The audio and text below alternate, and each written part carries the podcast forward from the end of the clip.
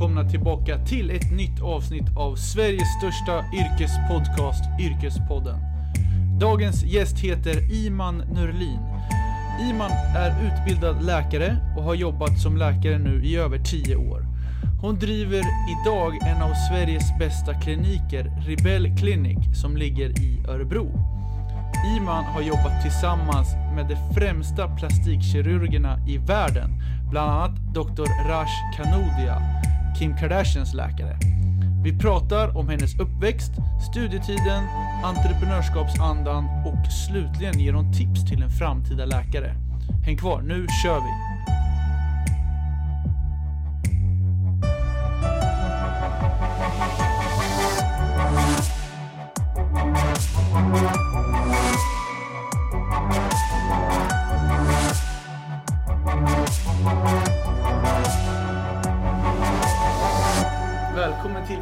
Yrkespodden Iman.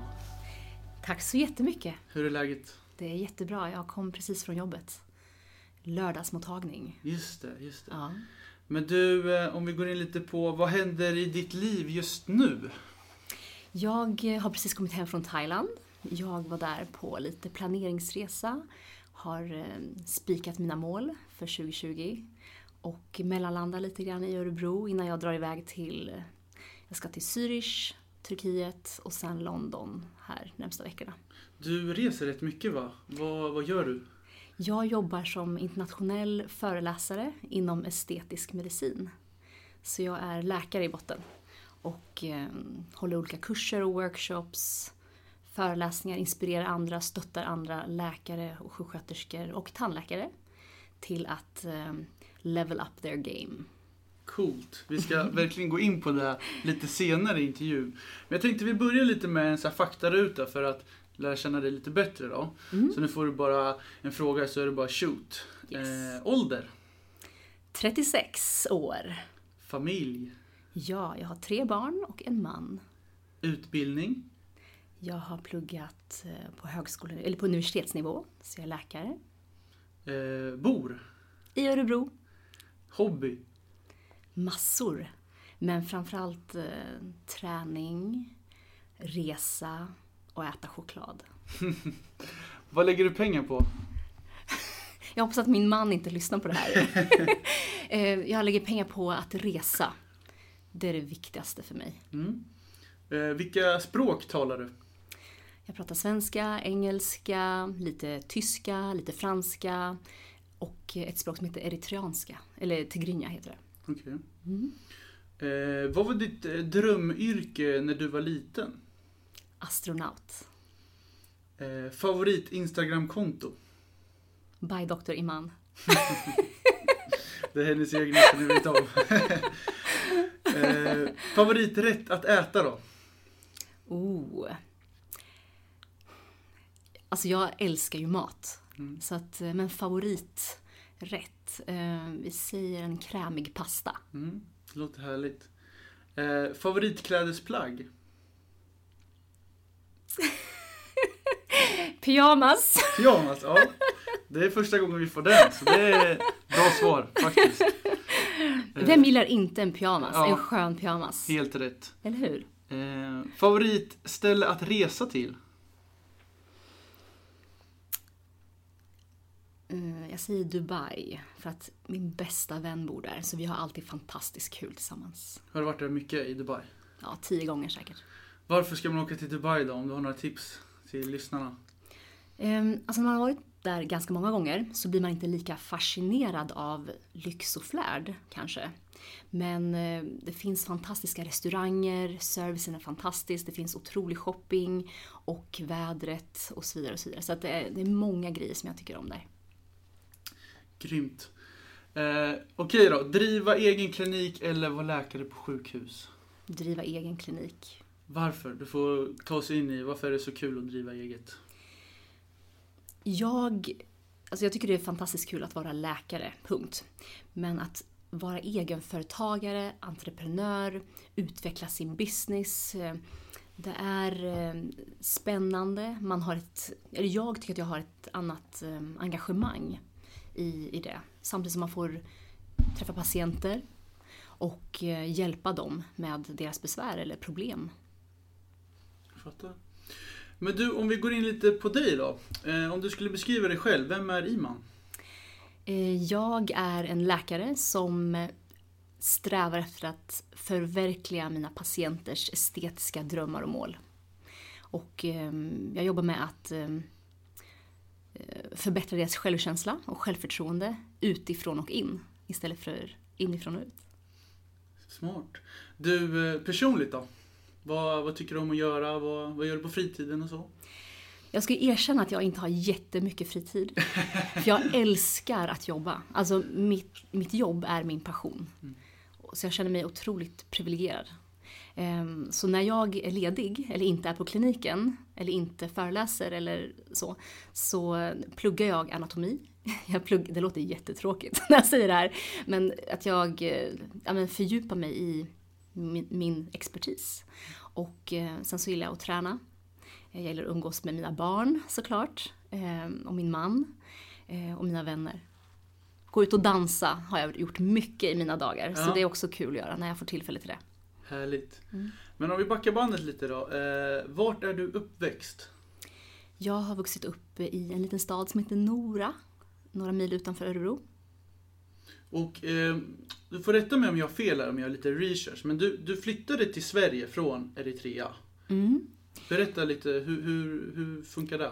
Ja, alltså flytt och flytt. Eh, Mina kära föräldrar kom ju hit som flyktingar. Eh, Så att eh, de flydde jobbiga omständigheter. Så jag kom hit som treåring till Sverige. Och eh, vi hade ju ingenting när jag växte upp. Eh, de är lågutbildade, mina föräldrar, och eh, jag hade systrar, men, men, eller har systrar.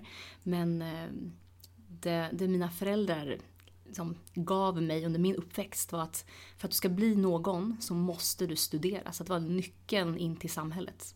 Nyckeln till att bli accepterad, nyckeln till att eh, nå framgång. Ehm, så, så, så det är därifrån jag har fått min eh, motivation tror jag, och inspiration. Jag förstår. Mm. Men du, när ni flyttade till Sverige, var det direkt Nora då, eller har ni hoppat runt och så? Ehm, Mina föräldrar flyttade med många gånger. Från flyktingförläggningar i Skåne till ja, någonstans, jag vet inte, alltså jag, jag vet inte exakt men eh, Landskrona vet jag var landningsbanan, liksom, eller landningsstället. Mm. Eh, och sen så hamnade vi i Nora eh, efter något år. Har de berättat varför det blev Nora? Är det, är det någonting som bara blev? Nej, jag tror inte de styrde det överhuvudtaget. Det var...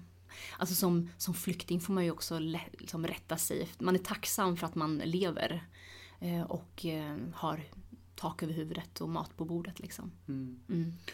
Men du, eh, för dig då, eh, gick du gymnasiet i Nora också eller var det någon annanstans? Alltså Nora är så litet så det finns inget gymnasium där. Nej. Så jag gick, eh, jag åkte till Lindeskolan i Lindesberg. Ja. Så man fick åka sin halvtimme i buss, tur, eller enkel väg. Och, så jag pluggade i Lindeskolan. Vad gick du där då? Var det natur eller? Jajamän. Mm, såklart. Och jag var sådär extra nördig. Så att jag gick inte bara naturvetenskapliga programmet utan jag läste extra matte. Och extra språk. För att jag hade inget liv. Inte ens då hade jag ett liv. så, så det var, jag älskade att plugga, älskade att lära mig saker. Ja, jag önskar att jag hade den eh, motivationen som du hade, men jag var lite tvärtom där. Du kanske hade roligare, jag vet inte. Ja, förhoppningsvis. Ja. Men eh, ja, gymnasiet är en spännande tid. Ja. Men det är också spännande vad man ska göra efter eh, gymnasiet när man tagit studenten. Mm. Många jobbar, många kanske reser, några börjar plugga direkt. Vad, vad gjorde du? Jag tog alla jobb jag kom över. Så jag hade ett år då jag eh, inte pluggade. Eller jag- jag läste faktiskt upp eh, ett betyg. Och gissa vilket det var? Oj, vad svårt. Eh, det känns inte som matte, men jag säger matte. Nej, jag läste upp bild. Bild, okej. Estetisk verksamhet läste jag upp. Och det är helt sjukt eftersom jag jobbar med estetik idag. Men, men, men så bild läste jag upp, för det hade jag VG i. Resten hade jag MVG i. Och du vill ha MVG? Ja, så jag var tvungen att ha MVG i allt. Men så under det här året så eh, läste jag upp bild. Och sen så jobbade jag som telefonförsäljare, jag jobbade som undersköterska på ett, ålder, eller på ett äldreboende, jag jobbade som fransklärare på en friskola och jag bara tog alla jobb jag kom över. Och en kul grej också, jag sökte också till Fame Factory. För jag var ganska duktig på att sjunga. Jaha, Och jag kom vidare. okej. Men, eh, men sen tänkte jag, nej fan jag ska bli läkare istället. så, jag, så jag gick inte vidare i Fame Factory. Du, ta- Så. du tänkte så artistkarriären den kanske kommer lite senare. Ja, precis. Jag får ju stå på scen nu, så Ja. att, eh, fast jag får inte sjunga så mycket tyvärr. Nej, eh, men det, det kanske kommer in i föreläsningarna också i slutet där. Det har hänt.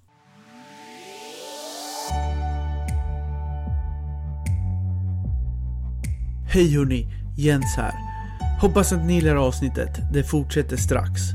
Jag tänkte berätta att nu har Iman fixat en superdeal för er lyssnare. Unna dig en vardagslyxig ansiktsbehandling eller en föryngring med filler och botox.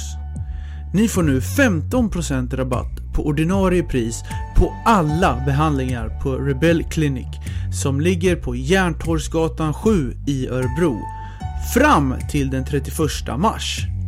Rebel Clinic i Örebro har fått utmärkelsen Sveriges främsta injektionsbehandlare så det är dit ni ska gå. Boka via rebell.se och ange koden Yrkespodden 15. Gör det nu! Vi säger stort tack till Rebell Klinik.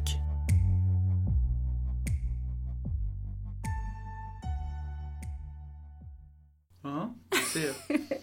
Men du, eh, återigen den här frågan då. Varför började du plugga till läkare då? Var, varför?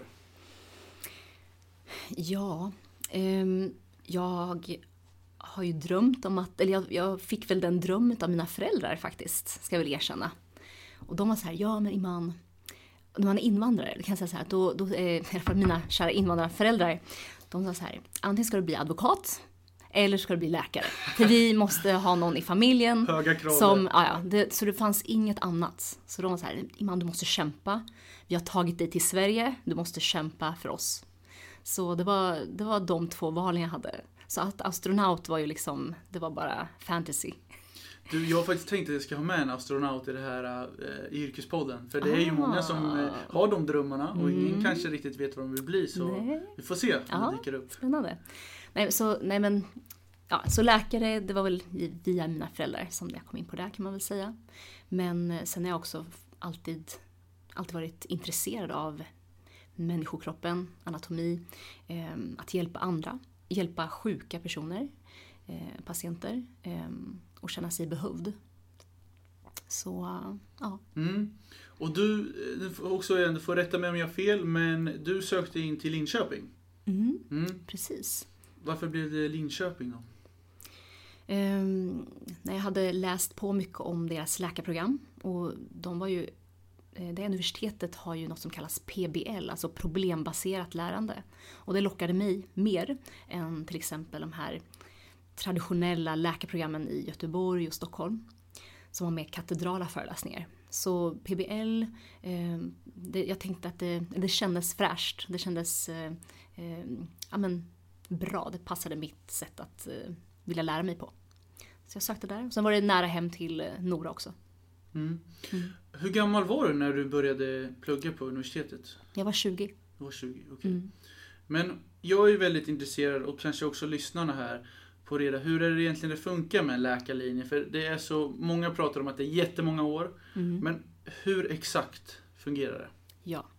Så efter att ha behörighet från gymnasiet, så att man har sina betyg sina, ja, för att komma och söka. Så eh, när man väl blir antagen till läkarprogrammet så är det fem och ett halvt år eh, studier. Och under de här fem och ett halvt åren så är det både teori och praktik. Och efter de här fem och ett halvt åren, man har tagit examen från sin universitetsutbildning, så eh, behöver man ju söka för att kunna bli AT-läkare eller för att göra sin allmäntjänstgöring. Vad står AT-läkare för? Vet du det? Det är allmäntjänstgöring. Okej, där. Um, okej. Så, eller allmäntjänstgörande eh, läkare. Och det är egentligen för att man ska få sin legitimation. Så det är fem och ett halvt år på universitetet. Sen får man söka AT-tjänsten och den är oftast på ett och ett halvt år, ibland två år. Ehm, och därefter är man legitimerad läkare. Och då ska man välja en specialitet. Om man vill bli kirurg, eller om man vill bli hudläkare, eller ögonläkare, eller ortoped eller vad man nu vill bli. Så så är det. Och vad valde du? Jag, efter AT-tjänsten så var det inte bara att hoppa på en specialitet utan det får man också söka. Det är ett, man söker ett jobb. Mm. Eh, och då hamnade jag först på psykiatri, inom psykiatrin för jag har alltid tyckt att det är fascinerande att jobba eh, med psykiska sjukdomar. Eh, men det var faktiskt i väntan på min dröm och det var att bli narkosläkare. Så jag hoppade på anestesiutbildningen ehm, och jobbade där i sex år innan jag bytte karriär. Mm. Mm. Det ska vi komma in på alldeles strax. Ja. Men du, om vi, du får lite flashback då. Vad tar du, till, vad tar du med dig från liksom, studierna och ett långt läkarprogram? Vad tar du med dig?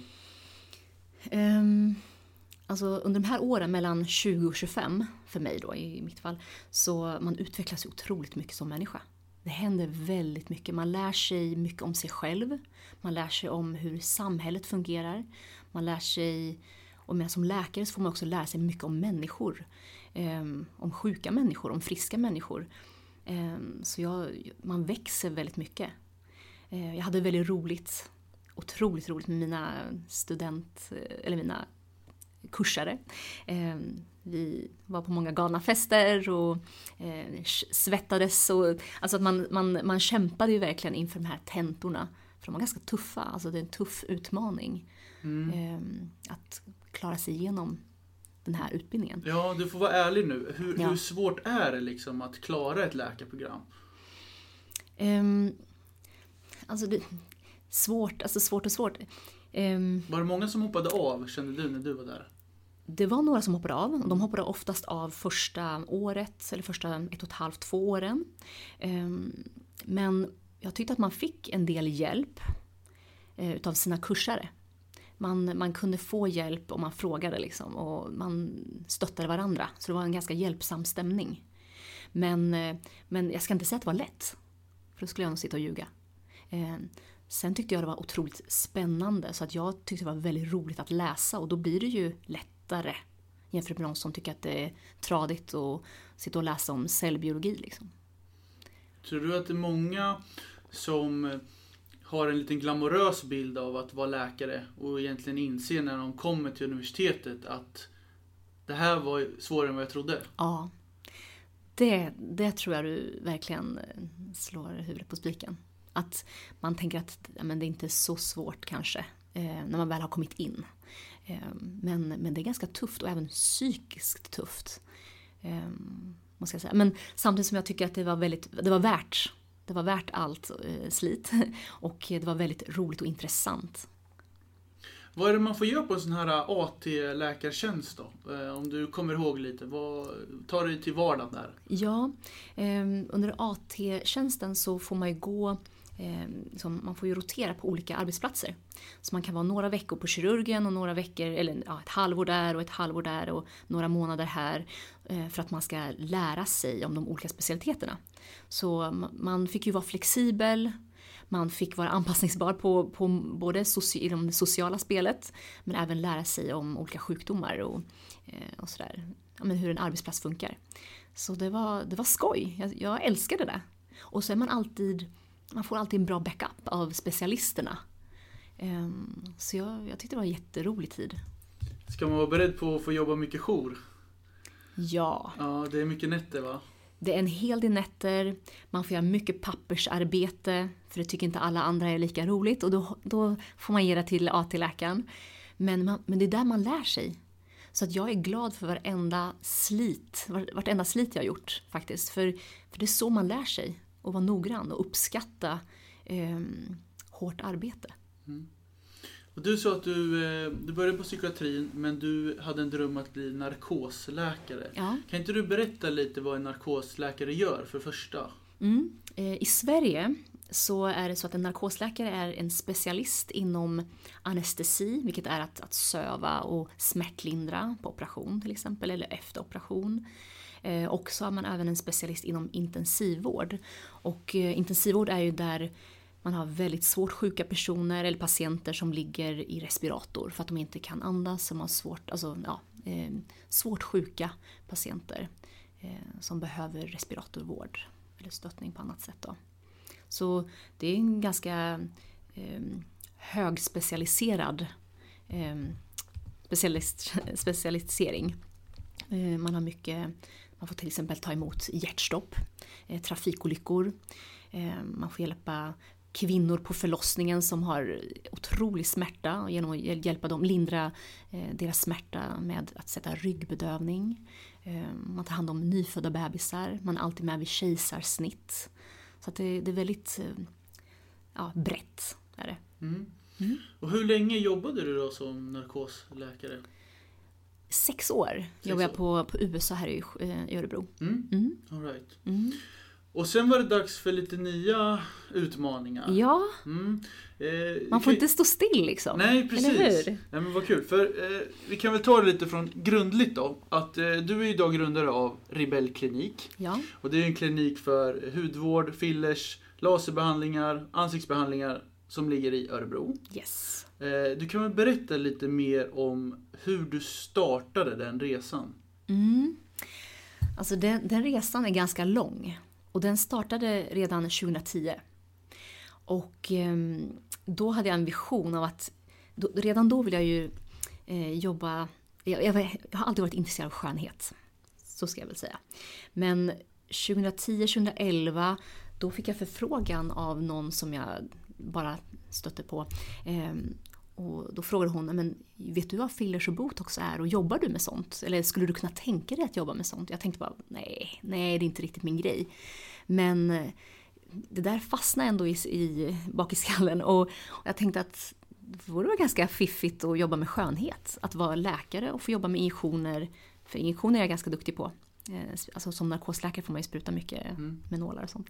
Så, så jag tänkte att ja, men varför inte gå en kurs? Så jag gick en kurs och sen startade jag Ribell 2011. Eh, och eh, jag började ta emot kunder i min tvåa i badrummet. Så där tog jag emot mina första kunder. Alltså på sån, i en sån liten skala. Mm. Eh, och då hade jag kanske en eller två kunder i, i månaden. och sen så accelererade det där sakta men säkert. och jag blev duktigare och duktigare. Jag gick fler och fler kurser och mitt intresse växte. Så att det gick från att vara en hobby till att vara någonting som jag idag livnär mig på och lär upp andra i hela Europa. Egentligen. Så, så en, för att göra en väldigt lång story kort så var det så det började. Mm. Och hur länge har det funnits, eh, den här kliniken funnits nu? Um, den nya kliniken som vi har nu som är, ligger på Järntorgsgatan är, är ett år gammal bara. Mm. Så det, det är sprillans nytt. Nyrenoverat, fräscht. Vad kan man förvänta sig då om man eh, vill eh, göra en typ av klinikbehandling hos Rebell? Ja, alltså vi, vi, vi kan ju hjälpa väldigt många. Alltså det kan vara det är både män, kvinnor, unga och eh, äldre. Man kan få en skön ansiktsbehandling bara för att fräscha upp huden. Man kan unna sig lite vardagslyx med, med exempel färga fransar och bryn och sådana små, små fix. Mm. Men man kan också göra ganska omfattande behandlingar som, eh, som är ganska, in, eh, inte invasiva kan jag inte säga, men eh, som kan göra ganska stor skillnad för det yttre. Eh, hud, olika hudbehandlingar med lasrar. Eh, och eh, jag håller egentligen mest på med injektionsbehandlingar. Och det är egentligen att jag jobbar med att försköna det yttre. Man kan se mindre trött ut, man kan se vackrare ut. Det behöver jag. Ja, men du, ja, jag tror du behöver det här Jens. Nej, jag Nej. Men, men, eh, men att man eh, jobbar bort ålderstecken. Eh, många av mina kunder eller patienter är ju medelålders. Mm. Är det majoritet kvinnor? Ja, mm. det är det. Men många medelålders kvinnor kommer till mig och känner att de vill se piggare ut de, vill inte, de känner in, kanske inte igen sig själva. De tycker att men jag, var ju, jag såg ut så här och så här för några år sedan och nu börjar de här linjerna komma och jag vill bara se pigg och fräsch ut och jag vill slippa tänka på att jag måste ha concealer varje gång jag går ut på stan. Och så kommer de till mig och så fixar vi lite med, med lite filler och botox oftast och då kan man öka själv, självförtroendet, självkänslan och känna att fan vad snygg jag är. Mm. det är ganska härligt. Du, det låter rätt bra. Ja. Men varför tror du att det här har blivit så trendigt då? Är det på grund av Hollywood eller? Varför är det så trendigt just nu? Så här är det.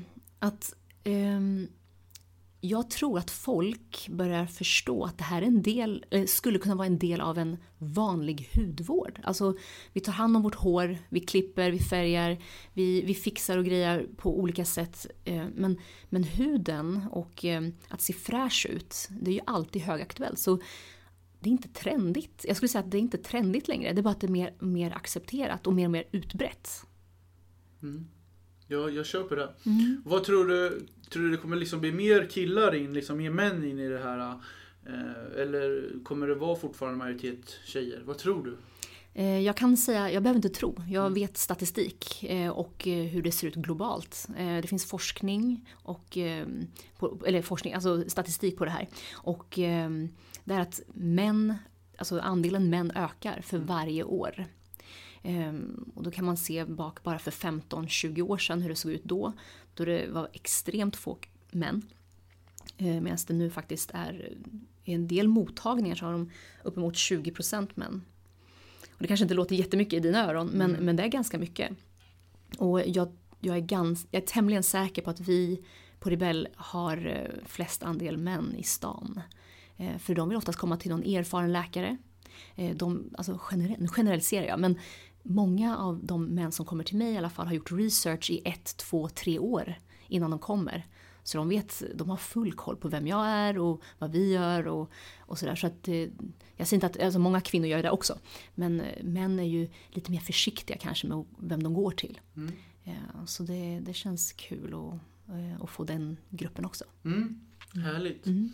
Men du, jag tänker så här, hur ser liksom på din klinik, eh, hur många anställda har du och är det fler läkare som jobbar där eller bara du? Det är bara jag som är läkare, sen har jag en eh, sjuksköterska, eh, två hudterapeuter och en koordinator. Mm. Så vi är ett litet gäng. Ja, ja. verkligen. Mm. Men du, jag är lite nyfiken eh, på hur liksom vardagen ser ut för dig. Liksom, hur, är det upp och ner varje dag? Du säger att du reser mycket. Men om du skulle sammanfatta en vardag eller en vecka, hur ser det ut för dig? Ehm, jag har ett väldigt spretigt liv faktiskt. Ehm, ena veckan är jag i Örebro och tar emot mina... var inte lätt mina... att få tag i kanske? Nej, jag var svårflörtad va? Ja, Nej, faktiskt. Nej, men, eh, men ena veckan är jag i Örebro på Ribell och eh, tar emot mina, mina fantastiska kunder. Eh, andra veckan är jag i Schweiz Eh, veckan efter är jag i Turkiet, sen är jag i London, sen åker jag till Buenos Aires. Så det, det är brokigt. Eh, och det är fantastiskt, det där jag älskar. Eh, utöver att som föreläsa och så, så forskar jag också och jag har ju min familj här och eh, försöker klämma in liksom vänner. De får jag kvar. Nej jag skojar. Nej, men, eh, eh, så att eh, det, är, det är spännande att, eh, att få att det inte är 8 till 5, eh, måndag till fredag. Så att min arbetsvecka är från måndag till söndag. Mm. Och jag jobbar från dess att jag vaknar. Och ofta tills ja, men klockan 11 mm. på kvällen då jag lägger ner min mobil. Så eh, man jobbar ju ganska mycket som, eh, som en entreprenör. Mm. Men man har ett helt annat driv och en passion för det man gör. Så man räknar inte timmarna. Nej, jag fattar. Mm. Häftigt. Du berättade lite om att du forskar. Jag blir bara lite nyfiken, en, en spontan fråga. När man forskar, alltså, får du betalt för att forska av något typ institut eller något? Eller är det här bara frivilligt? Mm. Ja, just nu har vi på Rebell har vi två forskningsprojekt. Det ena är för ett stort globalt läkemedelsföretag. Och då får jag betalt. Mm. Eh, en symbolisk summa. Eh, det är inte alls mycket att hänga julgran, men, men en symbolisk summa. Eh, så. För då forskar jag åt dem. Då mm. kallas jag Principal Investigator. Så då, då hjälper jag dem att, att få fram eh, säkerhetsdata. Eh, den andra forskningen som jag håller på med, som tar mycket mer tid, får jag noll kronor för. Så jag blir inte rik på det. Eh, men man gör det för att man vet att det här är viktigt. Och det är också det som jag tycker är så spännande när man är egen. Att man gör saker och ting för att man tycker det är roligt eller viktigt. Eh, när jag var anställd, då var det så att då gick jag dit. Jag klockade, eh, eh tryckte på timern mm. när jag kom dit, eh, stämplade in. Eh, och sen så när jag gick därifrån så var det så här, Don't call me, ring inte mig, jag jobbar inte idag. Om jag var ledig. För att jag ville ha min fritid men det här, nu flyter liksom jobb och fritid ihop i vartannat. Så det är, ja, häftigt. Ja, verkligen. Mm. Kul att veta, för det är kanske inte alla som vet att man forskar liksom bara för att man tycker det är kul också, Mm. eller för att man får betalt. Så det var bra att vi fick svar på det. Mm. Men du, du var ju lite inne på att du föreläser mycket. Ja. Och jag kan tänka mig, eh, som lyssnare nu, eller jag också, om jag sitter i publiken nu och lyssnar på en föreläsning av dig, vad, Mm. vad, vad får jag reda på? Ehm, jag föreläser inom estetisk medicin så att det, publiken är tandläkare, sjuksköterskor och olika typer av läkare. Ehm, jag är expert inom eh, anatomi för ansiktet, eller ansiktsanatomi. Ehm, jag är expert inom att injicera, alltså spruta med filler och botox eh, för att ge ett lyft, ansiktslyft och då beskriver jag hur man kan gå tillväga. Eh, Jag kan eh, berätta om vad man ska akta sig för, vad som är farligt, eh, forskning, vad säger forskningen och så vidare. Det är väl det, är väl det som jag, ja, enkelt förklarat. Mm. Eh, Så jag lär, eller att lära, men jag delar med mig av min erfarenhet och och hur man bäst levererar fina resultat för sina patienter. För att i grund och botten så är det så att alla vill ju ha nöjda kunder, nöjda patienter. Eh, Och jag som har lång erfarenhet kan dela med mig. Häftigt. Och du kör både på engelska och på svenska? Eller är det bara på engelska mest? Det är mest engelska, eh, för de flesta mötena är ju internationella. Mm. Så, så det mycket på engelska. Du sa att du åker mycket till Schweiz. Jag, så här, jag var i Schweiz faktiskt för eh, något år sedan här. Jaha. Eh, men och åkte skidor då. Aha, Så vad härligt. Ingen läkarbesök. Nej, vad skönt. Men, men eh, det känns som att Schweiz är liksom, eh, vad ska man säga, eh, mittpunkten i Europa. Här läkare, har jag helt fel? Nej, du har inte fel. Alltså det, det händer ju mycket ute på kontinenten. Alltså Frankrike, Tyskland. Eh, jag skulle säga Frankrike och Tyskland är ju väldigt eh, långt fram. Liksom. Eh, Schweiz och, också. Eh, de drar ju i mig också ganska mycket för att de vill, de vill ha det bästa. De vill att eh, läkarna ska ha den senaste eh, teknik, de senaste injektionsteknikerna och, och att kunna leverera naturliga resultat. Så, så dit åker jag ju flera gånger eh, per termin. Ehm, men men det händer mycket i Norden också. Så jag reser ju mest till, Köp ja, till Köpenhamn, Oslo, mycket i Stockholm. Jag tror jag kommer vara, hå- hålla nio möten i Stockholm bara på, nu i vår. Mm, Så full fart. ja, men det, det är det. Mm, kul. Mm, mm. Du, vad är dina framtidsplaner? Oh, några av dem är faktiskt hemliga. Okej. Men eh, om vi säger 2020 då? Eh, Eller tänkte du ännu längre? Ja, du får eh, svara på det själv. Nej men 2020 har jag ju i princip spikat eh, med de flesta uppdragen jag har. Det största uppdraget är väl i Buenos Aires. Ehm, och sen har jag ett i Zagreb som också är ganska stort, en stor konferens. Och det är ju flera hundra personer man ska föreläsa inför. Så det, det känns spännande. Och då vill man vara taggad, påläst, man vill inspirera. Eh, så att de känner att de får ut någonting av att ehm, se en på scen. Liksom. Men, men annars om man tänker längre fram så vill jag utveckla min klinik. Jag vill pusha mina, mina kollegor till att, eh, till att, alltså vi är ju, Ribell är ju ganska känt i Mellansverige, eller i, Sverige ska jag säga. Eh, Men att vi, vi vill bli ännu bättre. Mm. Vill du expandera? Vill du liksom eh, flytta klinik från Örebro till Stockholm eller öppna fler? Liksom? Eller? Alltså, jag, jag vet inte. Jag, jag tänker att det kan vara ganska charmigt att ha något unikt. Eh, Och att vi finns i lilla Örebro av alla ställen är ju också ganska häftigt. Senast idag hade jag en, en patient som brukar åka till Ungern för att få sina behandlingar. Och så hade hon hittat mig via Instagram. Som kom till Örebro av alla jäkla ställen. Mhm. Är inte det ganska häftigt? Jo, det är skithäftigt. Och det är kul att det, så sa det med sociala medier, att de hittar dig där. Ja. Så Ja. det är bara att börja följa dig nu. Ja, eller hur? Tack Jens. Grymt. Men du, du ska faktiskt, vi ska dra ihop den här säcken. Ja, Eh, och eh, alla gäster i Yrkespodden får ju alltid avslutande tips. ja. Eh, och jag tyckte att eh, du är jättebra nu att ge tre tips hur man blir en bra läkare. Så det yrket liksom, eh, det, det glorifierar ju dig. Om du ska ta tre tips. Mhm. Eh, första tipset, vad skulle du säga? För att bli en bra läkare måste du lyssna. På din patient. Bra. Två. Var ambitiös. Var påläst. Och ett tredje avslutande tips till att bli en bra läkare. Du behöver inte vara tråkig. Ha lite roligt, skratta. Ehm, man behöver inte vara så jävla allvarlig som läkare. Mm. De har lite den auran. Ja, tyvärr. Det var därför jag kände att jag inte riktigt, riktigt passade in på sjukhuset alla gånger. Jag förstår. Jag är lite för rolig. Ja, precis. Men du, eh, Iman, tack så jättemycket för att du var med i Yrkespodden. Tack så jättemycket för att jag fick komma. Då säger vi hej då. Hej då! Hej hörni, Jens här från Yrkespodden. Hoppas ni tycker om podcasten och se till att prenumerera på Yrkespodden i din poddapp. Det finns på Spotify, iTunes, Acast, Soundcloud. Ja, ni vet, där alla poddar finns. Jag finns också på LinkedIn, Jens Jangdin, och även på Instagram, där jag också heter Jens Jangdin. Tack så mycket!